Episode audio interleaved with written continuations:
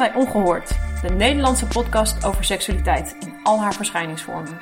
Ik ben jullie host, Marije Jansen, en elke maand ga ik in gesprek met een andere deskundige op het gebied van seksualiteit en intimiteit.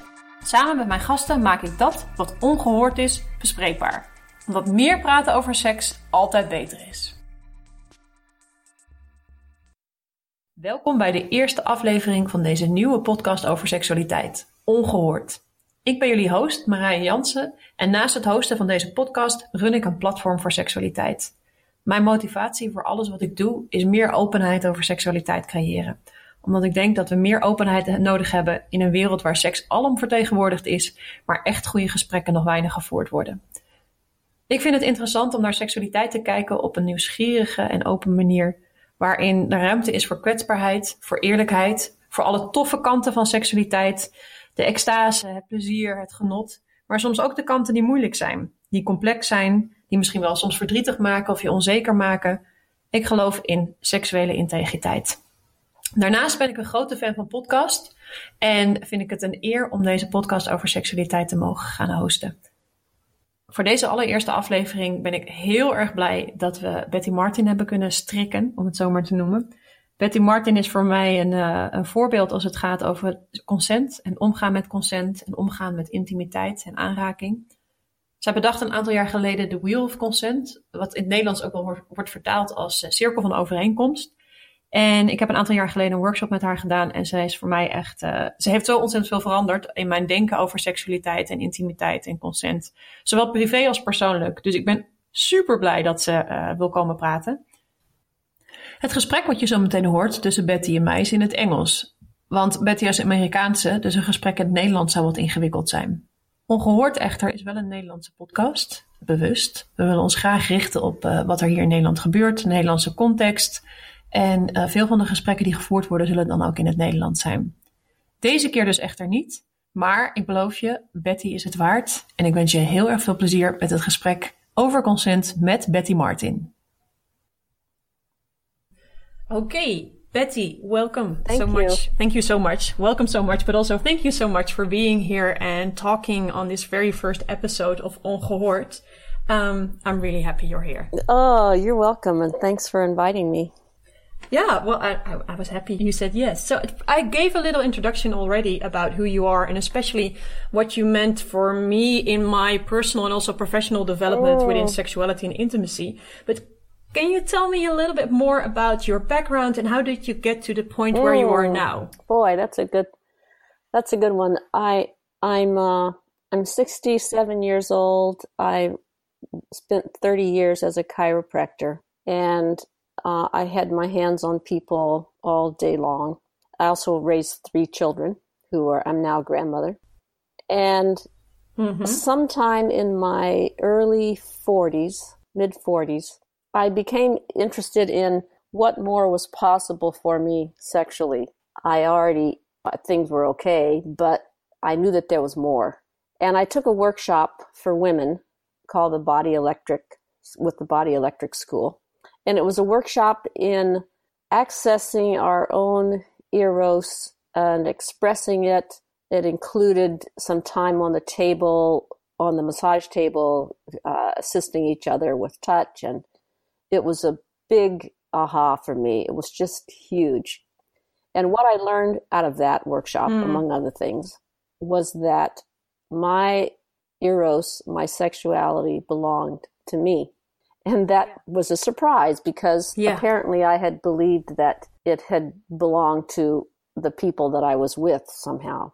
And it was it, it was such a surprise that it made me wonder, well, what was I thinking before this? Um, and a month Mhm. later, I took a similar workshop with the same school uh, that was men and women combined, and then I took uh, several more and week long retreats and a variety of things, and also met with a few uh, friends that I made at that workshop, and we met regularly every month for several years, practicing and exploring and experimenting and finding out what we were capable of, and so we had a kind of an experimental bunch of friends, and um, and so I learned a lot about eros. I learned a lot about sexuality. I learned a lot about myself. I learned a lot about the feelings involved, the sensations involved, and and it wasn't it wasn't about sex per se. In other words, it wasn't about intercourse. It was about experimenting with what we could experience and express. So so I came out of that several years realizing that I was interested in offering what I had learned to other people. And so I closed my mm. chiropractic office and I opened a studio as a sex coach, uh, Sacred Intimate. And I began to guide people through experiences in which they could learn about themselves and about their sexuality. And it was all clothed. It included touch and movement and breath and talk and sound. And, and at some point along there, I realized that after a few years, I realized that I wanted to be more explicitly sexual with clients for whom it would be useful and with whom I felt comfortable. So I created a different name and a different persona and a different website and begin to offer experiences that were more explicitly sexual. And so I had two different practices for some mm. years. One is Beth Morgan and one is Betty Martin. And I have really enjoyed the variety of people that I work with and the variety of kinds of work that I do. Some people come to talk and uh, maybe do some breathing exercises or learn how to touch, or some people come for a more erotic experience. And so there's a full range, and I have really loved that full range. So that makes me a sex worker. Yeah. And and and talking about that, uh, being a sex worker, but also about sexuality, you mentioned uh, before. I don't know where exactly in your answer about sex and intercourse. And what is your definition of sexuality? Because we talk about sexuality, and this podcast is about sexuality. But we, what is sexuality to you? Because it's so different for many people. Ooh, that's a great question.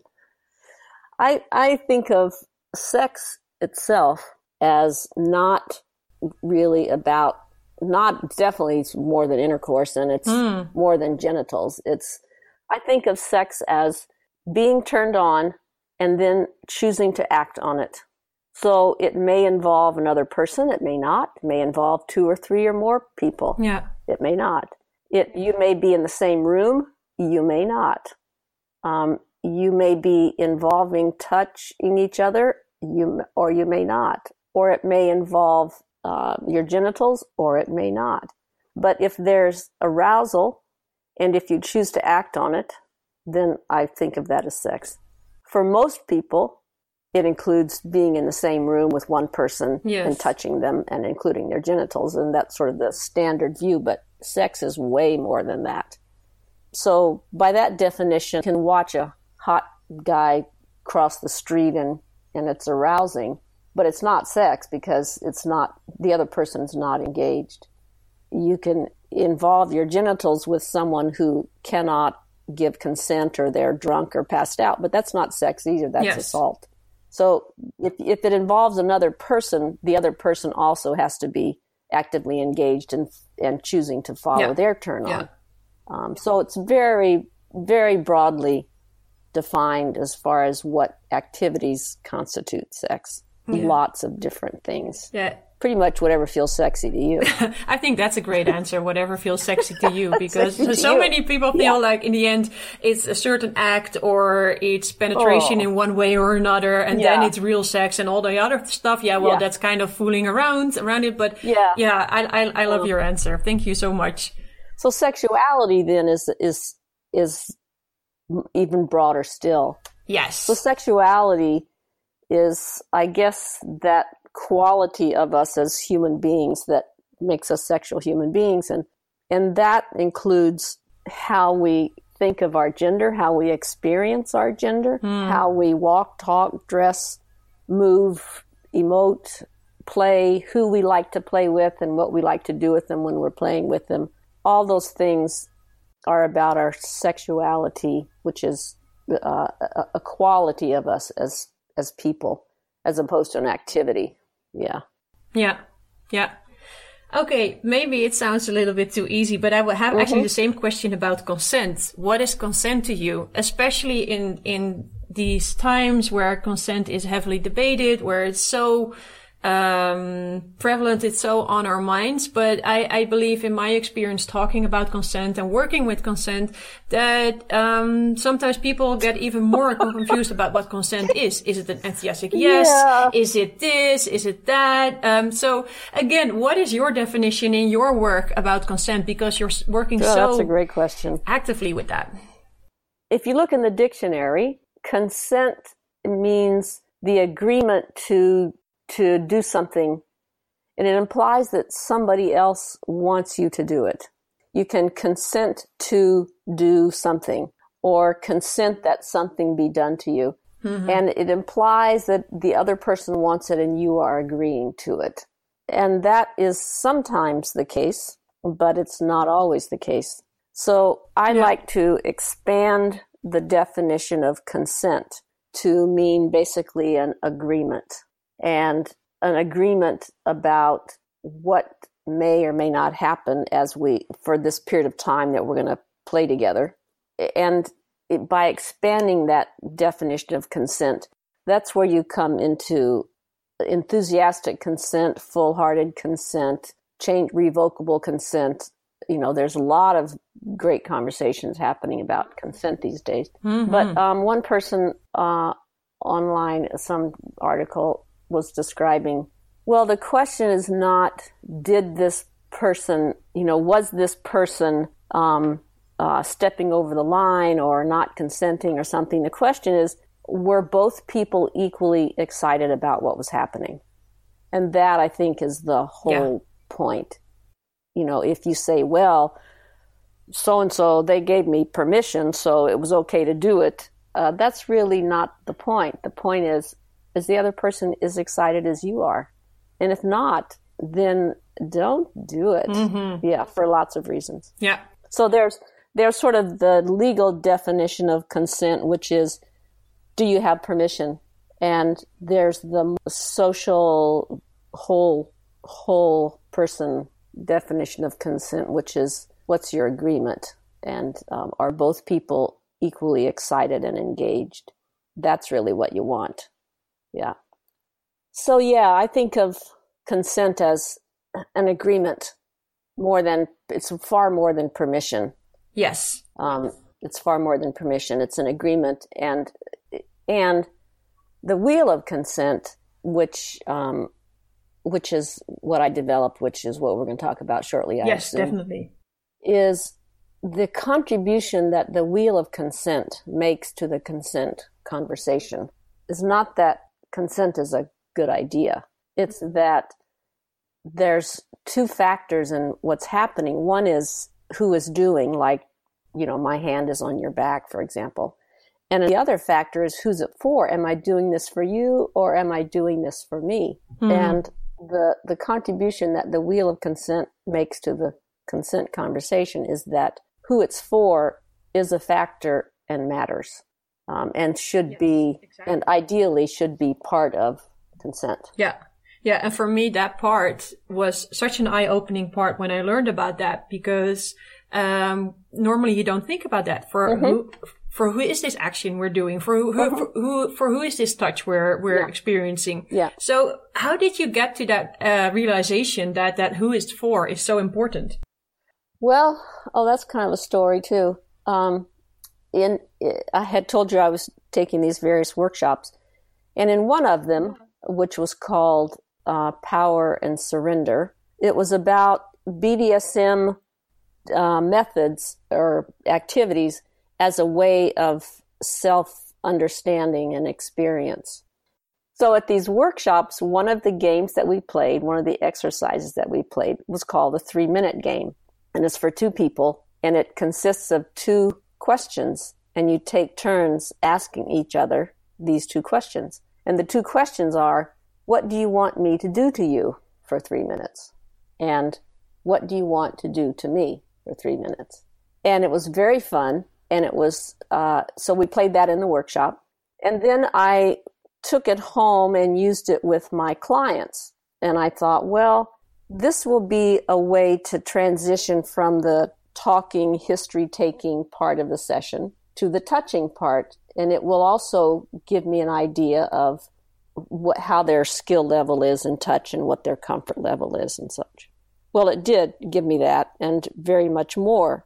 Because I was teaching touch instead of power and surrender, I changed the questions a little bit. And now I use them like this How do you want you? And how do you want to touch me? Mm-hmm. And what I found was that when I ask someone how they want me to touch them, how do you want me to touch you? People often didn't know, or they might be a little uncomfortable, or they were afraid of being selfish. It was a little awkward, but they at least understood what the question was.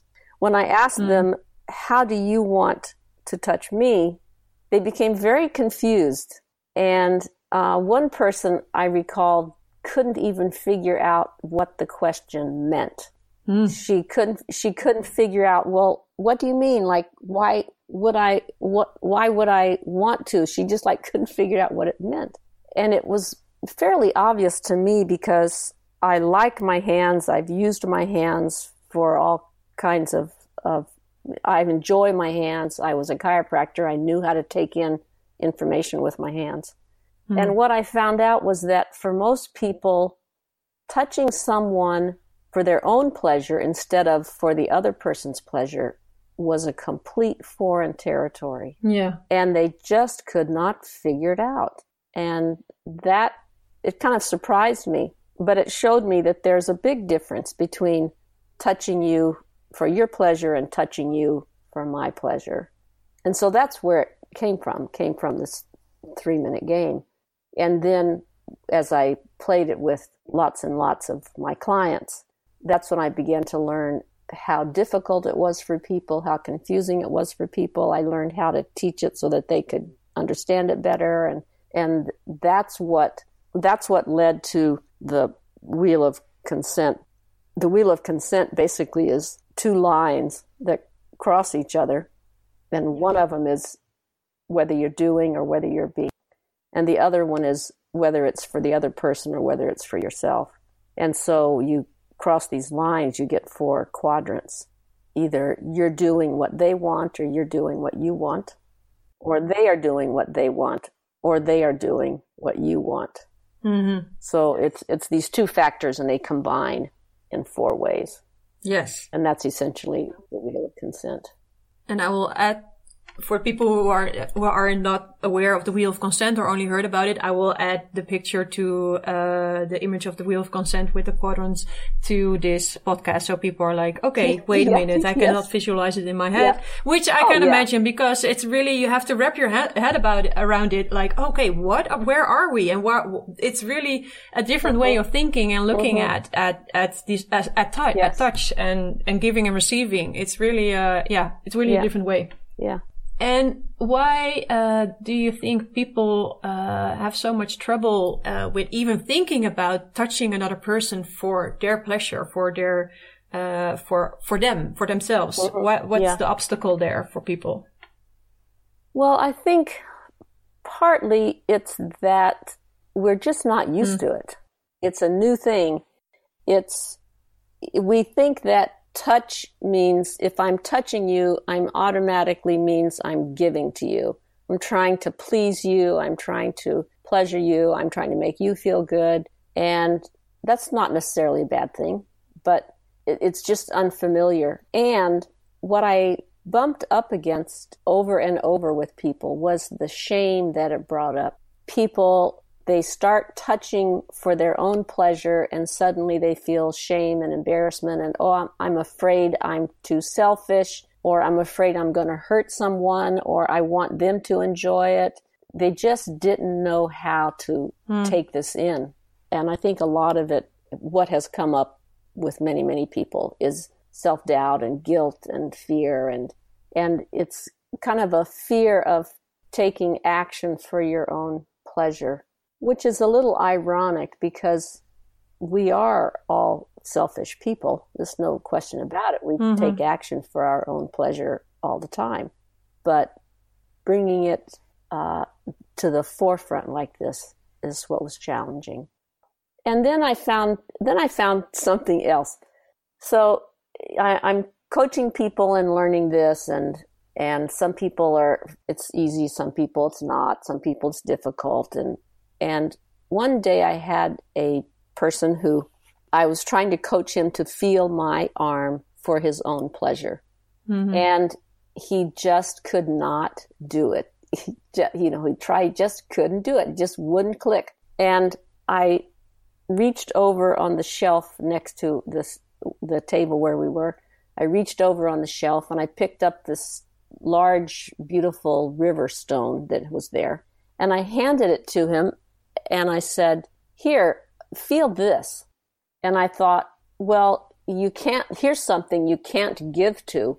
Hmm. Now let's see what you do with it. Yeah. And sure enough, he couldn't feel the stone. He just like, well, yeah, it's a rock, whatever, so what. He could not um, take in the textures and the enjoyment with his hands. And that showed me something. It showed me that it wasn't that he couldn't feel a person, it's that he couldn't feel anything, that his hands were just kind of dead. Yeah. And that was a big aha for me. And I started doing that same thing with other people who were having trouble with it. And I saw how profound it was, and I started doing it with everybody and it's it's quite simple and you can link to the video on on the web on my website if you like where I show this. I it's quite simple. You just take an object in your hands and lean back and set it in your lap and feel it and move your hands very slowly. You a shell or a pen or a empty coffee cup or whatever you have and just feel it. Feel the edges, feel the shape, feel the texture, feel the warmth. And after a while, you'll start to notice that it's pleasant. And mm. then after a while, you start to notice that your attention shifts from the object to your hands, and pretty soon you're, it just becomes something with which to create pleasant sensations in your hands. And so your hands kind of wake up to enjoying what they're feeling. And that turned out to be a profound experience for many people and it turned out to be what enables you to then be able to touch a person for your own pleasure. Because if you can't experience pleasure in your hands, you're not going to experience pleasure when you use your hands to touch a person. Yeah. Yeah. So that was the, the route that it took me on. Yeah, that makes a lot of sense. And now I hear people thinking, okay, so I touch an object and I activate mm-hmm. my hand and maybe I know how to touch uh, another person for myself. How does this tie in with consent? Mm-hmm. Why, mm-hmm. why should I touch an object and how does that help me with, um, with consent and, and, and working in a better way with consent? Per- if you're going to touch a person for your pleasure, you're going to feel them up, then you need their consent. You need permission. You need to ask them, mm-hmm. may I feel your legs? May I play with your hair? May I stroke your face? May I hug you? May I feel your legs? Consent. And so the question you ask is, may I? May I feel you? May I play with this? May I explore that? And the question, may I, means this is something that I want to do, and is it okay with you if I do it? And this is what permission is. Permission means there's something that I want to do, and is it okay with you if I do it? And permission mm. is one kind of consent, but it's not the only kind of consent.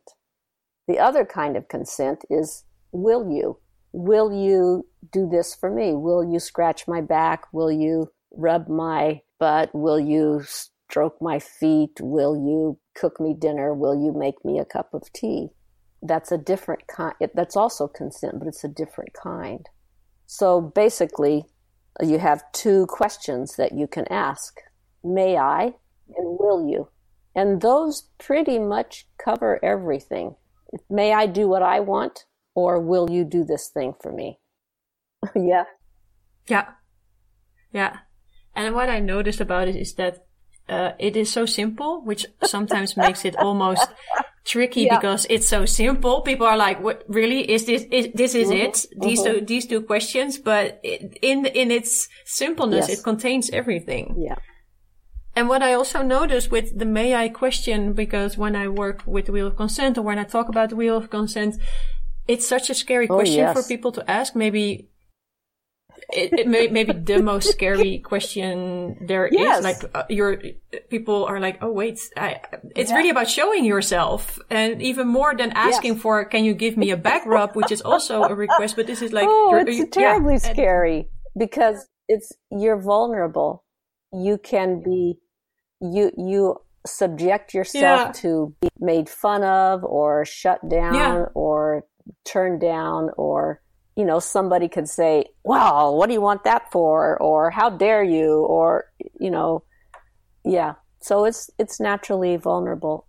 And I think it's also more scary because of whatever happened to us as children when we reach for things, don't touch, when we um, want to do things and we're told that it's not nice to do those things you know. So i think it, it, can be made more difficult by our childhood experiences of being punished for wanting to do things. So i think that's often part of it. And it's naturally vulnerable. Yeah. Yeah it's an interesting combination. On one hand, people are scared to be a perpetrator yes. in a way because you're you're you're taking something for yourself, and on the on the other hand, it's scary yeah, because it you're really showing is. yourself. It's actually a, a, super vulnerable way to stay to stay to be in. Yeah.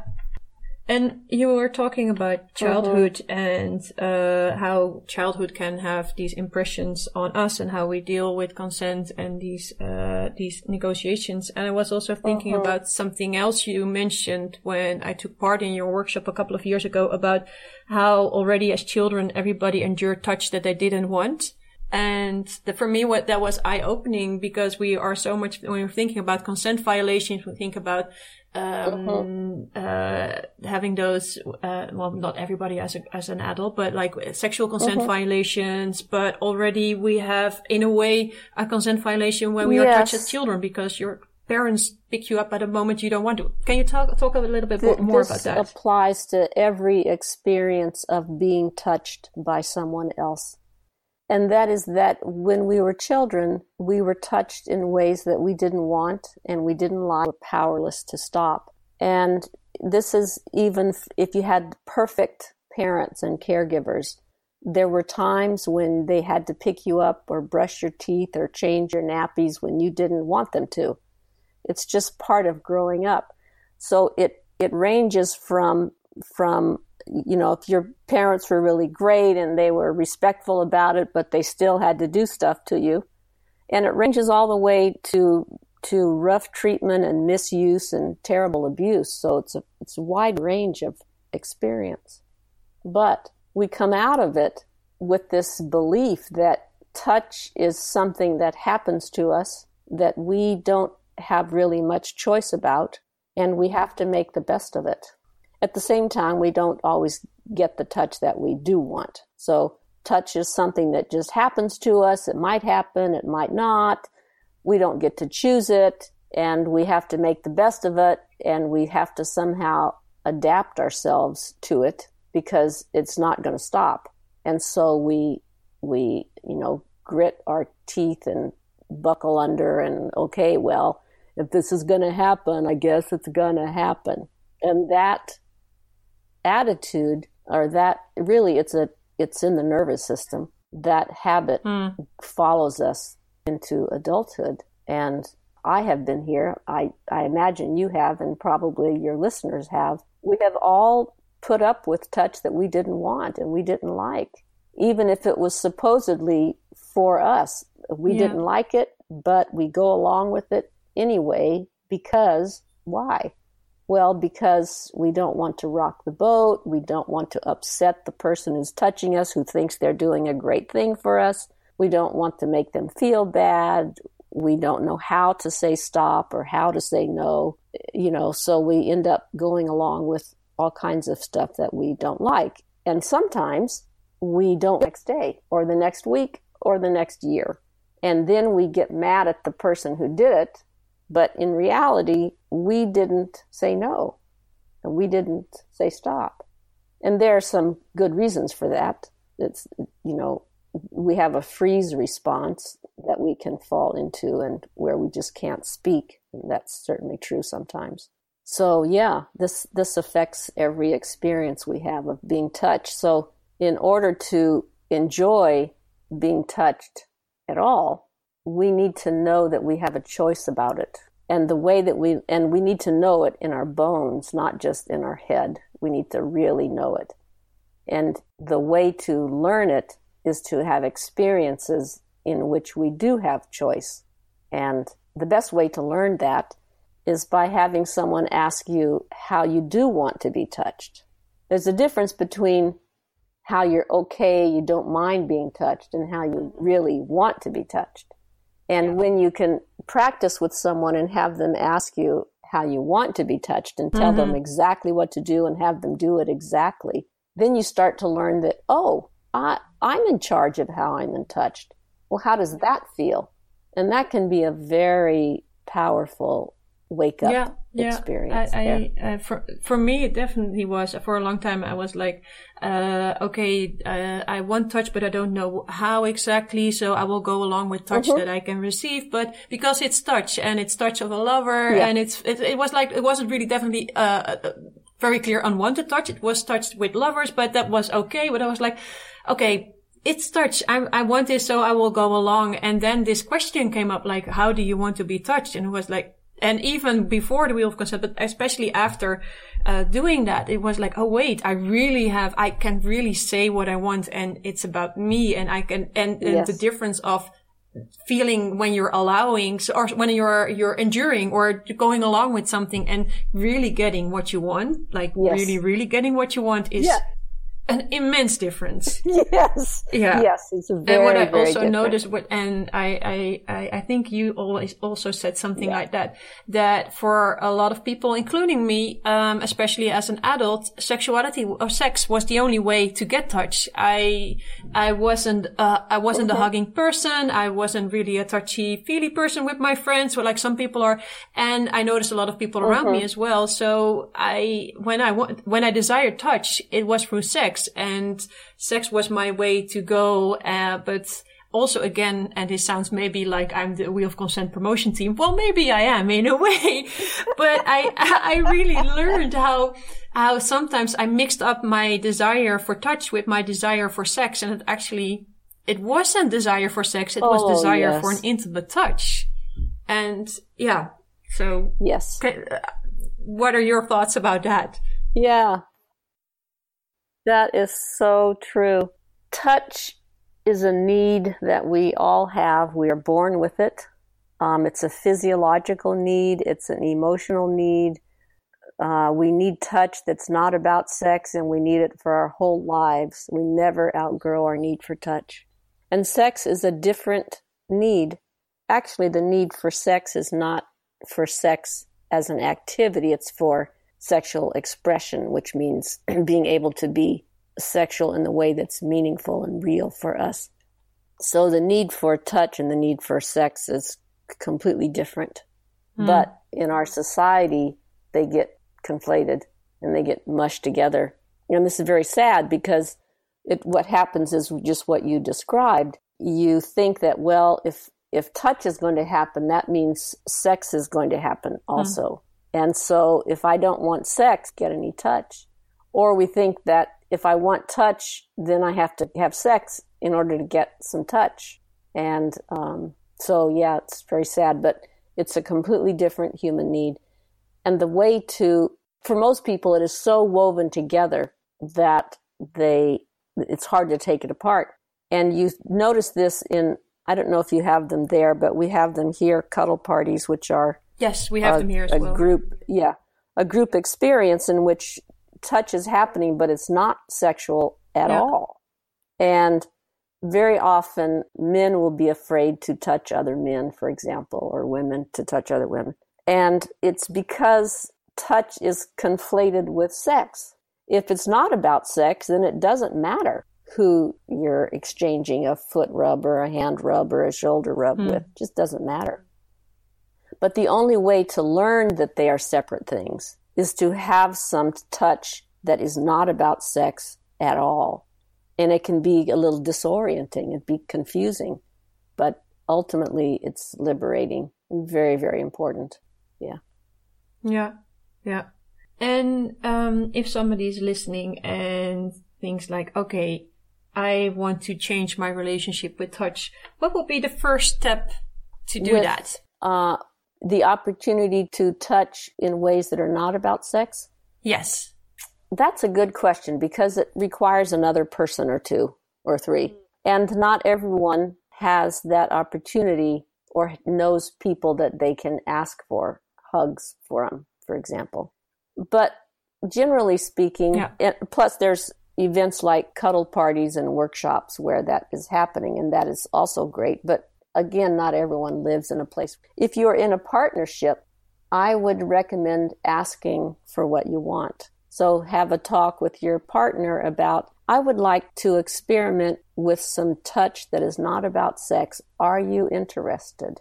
So now you're, you're inviting them. I would like this. Are you interested in this? You can also mm. invite friends. I would like to cuddle, but I don't want sex. Are you interested? Or I would like to experiment with learning how to touch that isn't about sex. And I'd like to maybe start with holding hands. Are you interested? It's not an easy question because not everyone is in a situation where they can start to experiment. And that's a sad thing, but it's true. And sometimes it's even more scary to ask people you Yes. know or you're Yeah. even in a partnership with or friends with to ask them because it feels like you have more to lose in that way. What if they say no or yeah. Yeah, I think that's why it's helpful to say a little bit about what it is that you want before you ask them if they're interested. You could walk up to your friend and say, Will you hug me and hold Yeah. my hand? And they might think it's rather strange. But if you explain that I want to learn how to touch in ways that are not about sex, and it's a little scary for me, but I'd like to try. Are you interested in trying it with me? Then you have they have some context for what it is that you're asking for. I imagine that might make it easier. Yeah, yeah, I can imagine as well. It's it's about having a kind of integrity about uh, what you want and, and, and, and telling that other people, showing integrity about okay, these are Mhm. my desires about what I want to learn, and um, yeah. Yeah.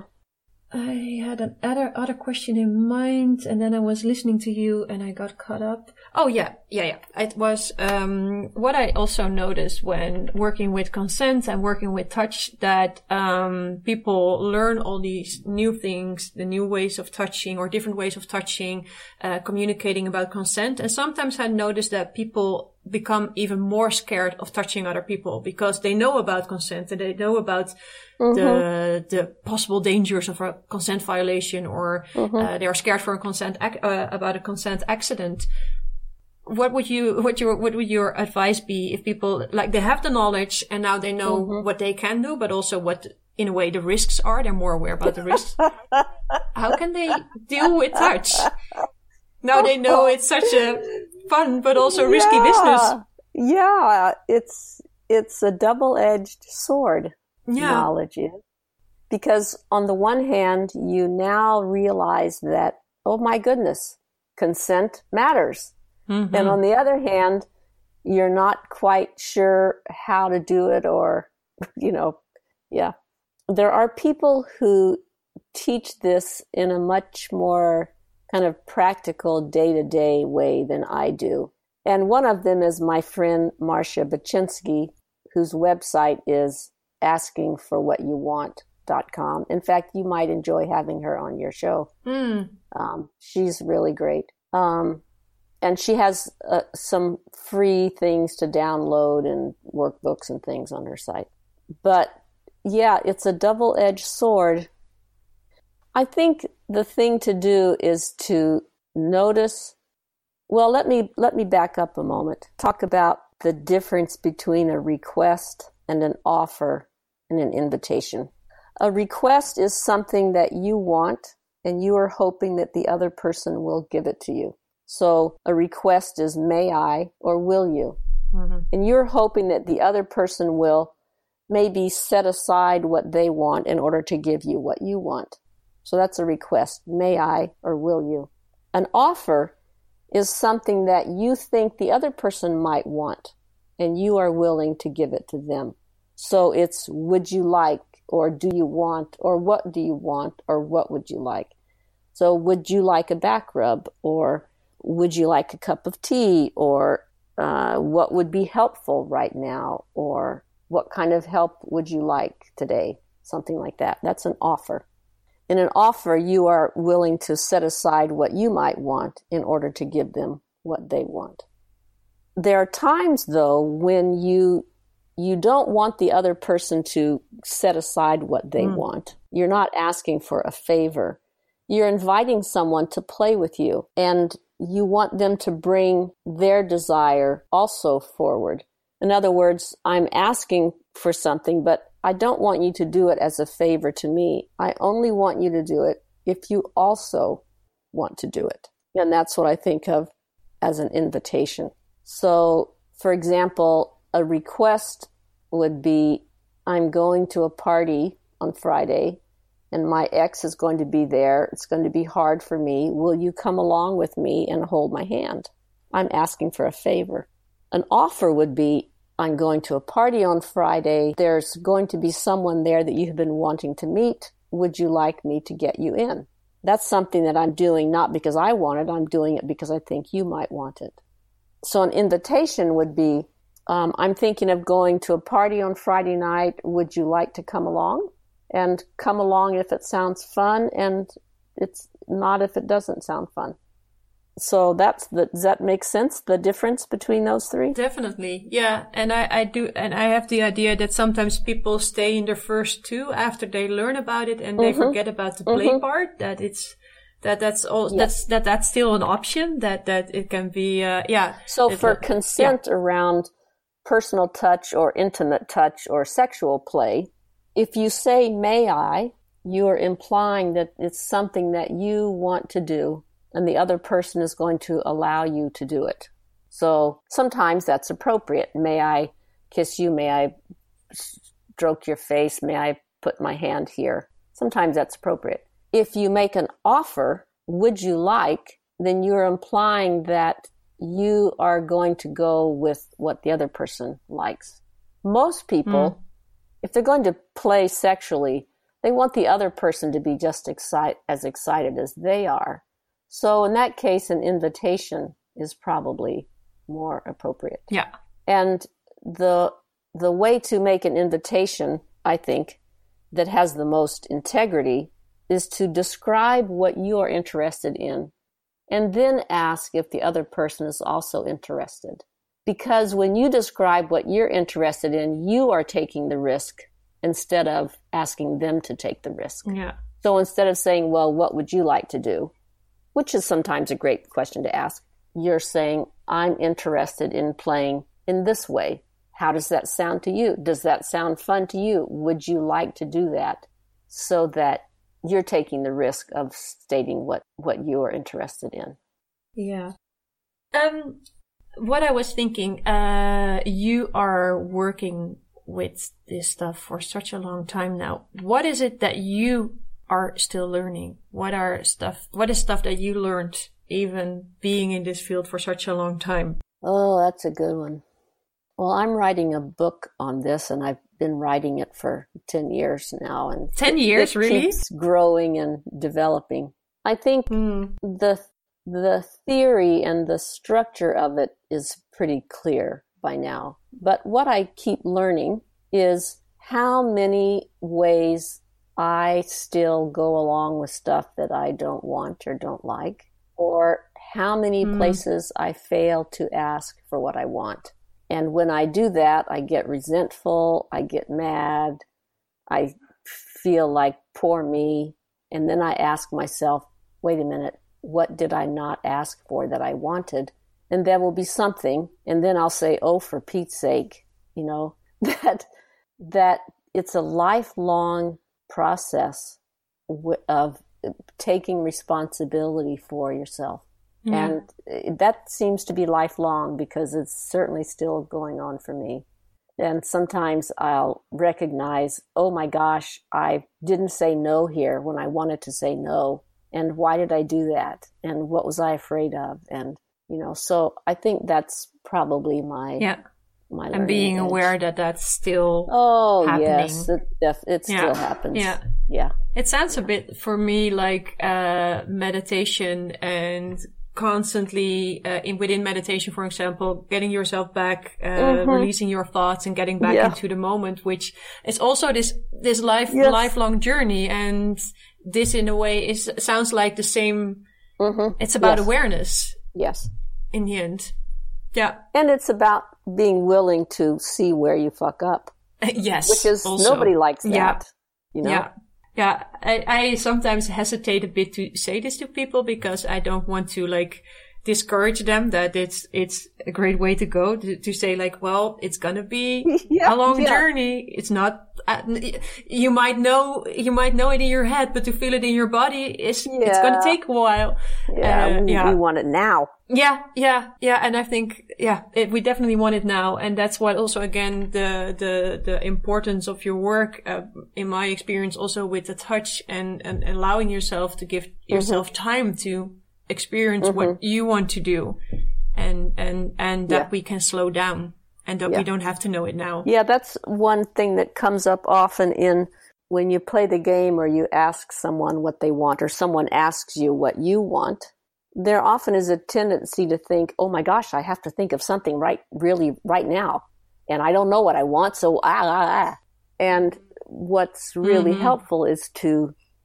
slow down and notice and take the time. People will often say, Well, I don't know what I want. And that's not a problem.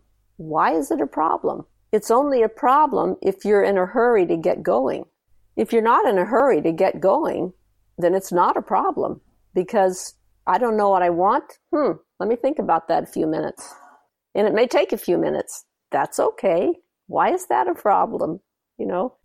Yeah. The the the most most useful things to say is, or one of the most useful scripts you can have is, huh, I'm not sure what I want. Let me think about that. I'll get back to you. Or what I want is more time to think about what I want. Yes. Yeah. And to, to realize that you can that that can be an answer. Yes. That uh, actually yes. I want more time. Yes. That that's a yes. legitimate answer yes. to a question. What do you want? Is uh, yeah can be uh, c- yeah can be an uh, exciting discovery. Yeah. I wanted to uh, close with uh, two last parts. I have some consent myths that I encountered that I would love to debunk with you. Oh. And I want to close with a question. I want to, normal, it's going to be a question of, uh, one of our listeners, but as it, this is the first podcast, it's uh-huh. not going to be one of our listeners, okay. but an okay. open call at it, but that's for later. That's for later. I have three consent myths that I want to share with you that I encountered and I want you, I would love to, for you to debunk them. the first one, the first one is talking about consent uh, on forehand. Take the magic uh, and or flow away. So if we need to talk about consent on forehand, all the magic is gone because then we know what's going to happen. Oh, that's a bunch of hooey. Yeah. Maybe that's enough. but I can understand where it comes from because if you think the here here's where I think that comes from it comes from watching romance movies mm. and reading romance stories. Because in the romance movies, nobody ever asks. They just know what to do and it's always the right thing.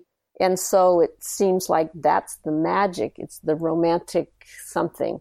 Or in, or if you watch porn, no one ever talks, no one ever asks for permission in porn. They just do it. Mm. So, so I think that's part comes from. And also, it's vulnerable and it's awkward and it's uncomfortable until you learn how. So, yeah. so when you say it takes the magic away, what you're really saying is, I have to act like a grown hmm. up hmm. now.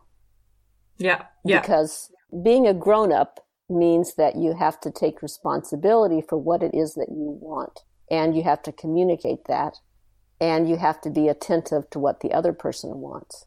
So yeah, that's probably what that means, the magic. The magic. And it is true that it's it, it's awkward until you learn how, and then it becomes very sexy. Mm-hmm.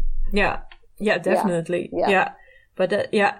Uh, I think that that awkwardness ties into the next one, which is if I need to think about consent and communication, I'm not present in my body. And that's what I hear a lot that people say, well, then I get stuck in my head and that's just, that's where I want to, that's what I want to leave. I want to leave my head and get to my body, but then I have to talk about stuff.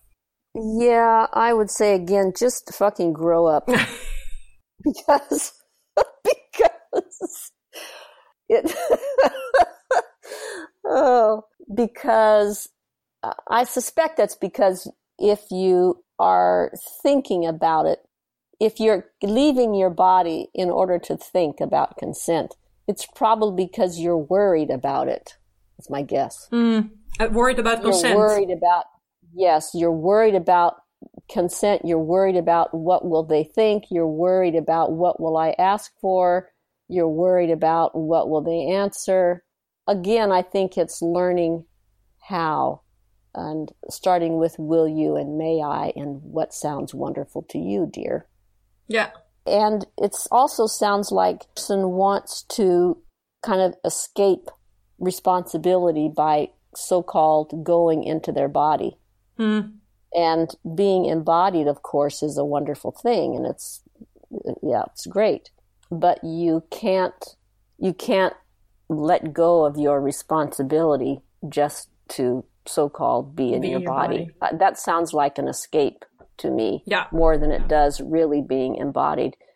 And also what happens is that when you have consent, when you have an agreement, then you stop worrying and then you relax. Yes. And yes. then you can be in your body in a way that is far more wonderful than using it to escape. Yeah, I totally agree. Okay, last but not least, um, learning about consent is for people who just start out. If you're experienced in sexuality and in sex, you don't need it. Oh my gosh. That is, that, that is a even bigger pile of hooey. mm. oh, well, I'm glad we're debunking them gosh. here. Yeah. That is spoken by someone who is afraid of it. Yeah. It, it is true that you get better at noticing the signals that your partner is giving you without words. But the fact that you are very experienced with sex does not guarantee that you have developed that skill. You can mm. be very experienced with sex and be lousy at noticing your partner. Yeah. So experience doesn't really mean a thing because you can have experience being a jerk you can have experience being selfish. You can have experience, you know, walking over people. Experience doesn't mean anything. Yeah. Well, that's fun. You got some more? Um, that, no, no, actually, that was, well, maybe you encountered some that you think like, oh man, uh, again, again, oh, this one I need to gosh. debunk. Yeah, not, nothing, nothing would come to mind. okay, well maybe that's a good thing. Yeah. Well, I'm glad we. I have great answers. Thanks to you, I have great answers for the next time somebody comes comes with some of these. So, uh, well, it's surprising how many times they still pop up. I have to say. Oh yes, sure. Yeah. Sure. Yeah. Yeah. Okay. Um. I want to uh, end with a question uh, from Martijn, and Martijn is one of the people that um, answered uh, my question I had on Facebook about oh, who has a question for Betty Ma- yeah. Betty Martin, oh, and they, they, they gave a great question, and um, I'm just going to read it so I'm sure I'm okay. telling it right. So it can okay. happen that the communication changes in sexual play because something happens during that play that brings one or more of the people playing in a different state. Mm-hmm. Someone, for example, withdraws inwardly, makes themselves small, or gets intimidated or feels guilty or loses touch with the other in a different way. Mm-hmm. Such an interchange is not always noticeable for the environment. This can result in dangerous situations. And when people say it's all well in words, actually something else can be going on. What are techniques or telltale signs that can help to warn you that something else is going on and that the situation isn't optimal anymore? As birds are used in coal mines as a warning that there's gas in the corridors or like guidance dogs, sometimes used to indicate when something is wrong with our boss. Mm-hmm. Ooh, that's a good one. Mm-hmm. And it's true. Things change in the middle of play. Thank goodness. Because that's why you're playing, because you yeah. want to play with change and what's happening next and what's happening next. So, yes, things change in the middle of play. Uh, my friend David Cates has an example that he says when you are doing something to someone, you need three yeses. You need a verbal yes. They have to have said the word yes. Mm-hmm. And you need body signals, yes, that their body is signaling yes. And you also need your inner gut saying yes. And mm-hmm. any one of those can cancel out the others. You may have a verbal yes, but their body becomes tense, they stop breathing, then you stop what you're doing. Or you may have a verbal yes and their body says yes, but your gut says something isn't right here. Then you stop. So in in play, I think it, it's similar. You need a verbal yes, and I think this person's asking about what are some of the signals that the other person has withdrawn or is no longer comfortable, or how do you know when to stop? Yes. And the trick is to be attentive even when you're turned on. So, what you want to be attentive to is are they breathing? Did they stop breathing? Are mm-hmm. they holding their breath? Or did their breathing just change?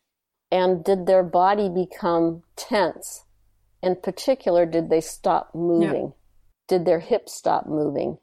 Did their chest become stiff? Did their arms stop moving? that that's probably the biggest signs. Did they close their eyes and are they looking away, or are they? Do they have a, a look in their eyes that's far away? Because eye contact will keep you mm. connected. Those are the main physical signs. Become suddenly quiet. They were making noise and now they're suddenly quiet. Yeah. Those are the signs of kind of freezing.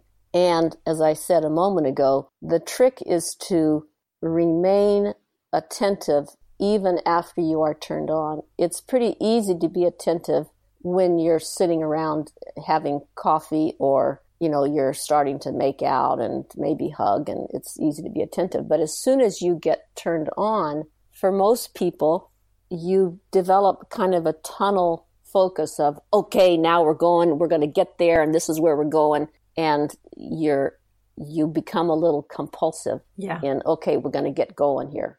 And the the the more your sense of we're going to get going the less you notice the person you're with. And this is very sad but it's true. Hmm. so the art is learning to be attentive while you are even when you are turned on and eye contact is one of the best ways for that and again, eye contact can be a little intimidating mm-hmm. when you're in a sexual encounter, but it's really hot. and another another interesting thing to do, and this can be very very fun actually, is set the timer for 3 minutes mm. or 5 minutes. And this is a great game to play, you know, even if you're very confident comfortable lovers together. Set the timer for 3 minutes or 5 minutes and every time it goes off, then you stop what you're doing and you look at each other in the eyes and you say, "How you doing? What do you want to do next?" And then you go back into it and then the buzzer goes off in 5 minutes and you say, "How you doing? Where's the buzz? What do you want next?"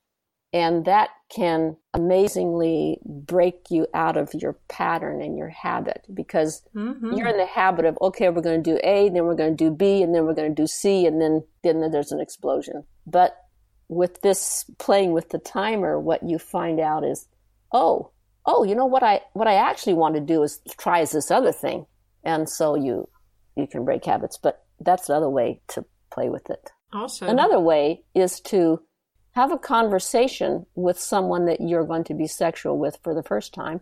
And hopefully you are having a conversation. Yeah.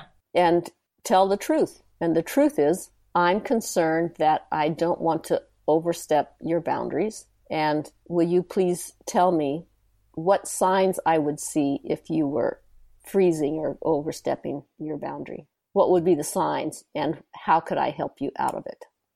that's a very intimate question to ask.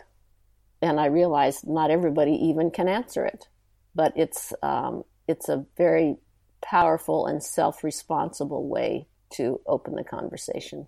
Yeah, yeah. yeah. And even if somebody doesn't know the answer immediately, it, already asking that question mm-hmm. provides openness mm-hmm. to to give that information when it comes up, maybe because you yeah. know that somebody is open to hearing that and wanting to hear yeah. that. Uh, hear that, yeah, yeah. And I think it goes back to our very original conversation here on this uh, talk about the definition of sex. Yeah.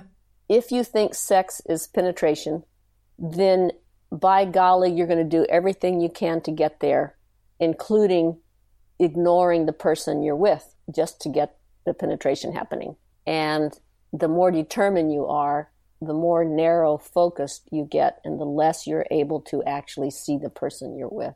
So when you expand your definition of sex to anything that turns you on and that you can play with, then there's nowhere to go. So you actually can more easily pay attention to the person who's right there with you.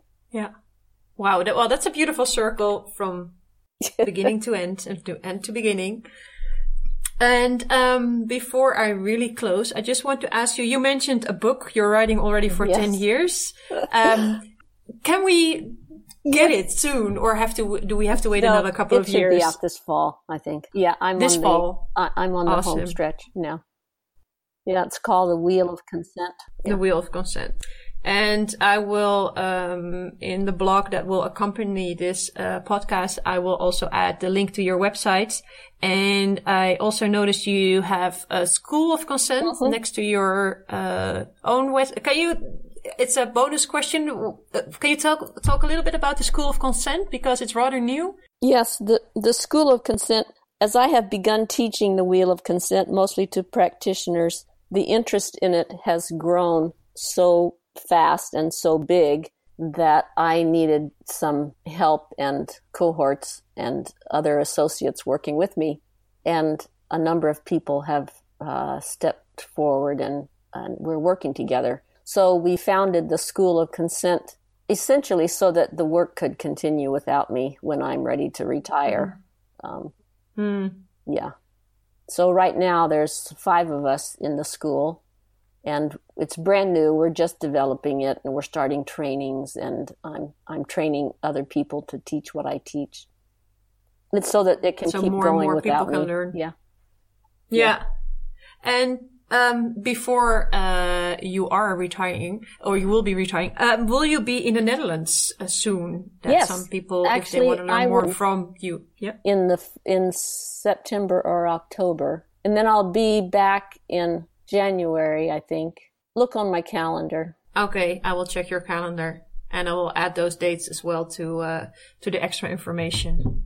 Wonderful. Well, thank you so much for um, talking to me and talking to the listeners in the end and sharing your knowledge and your wisdom. I, I always, I every time I hear you talk, I learn new stuff and it's oh, awesome. Oh, thank you.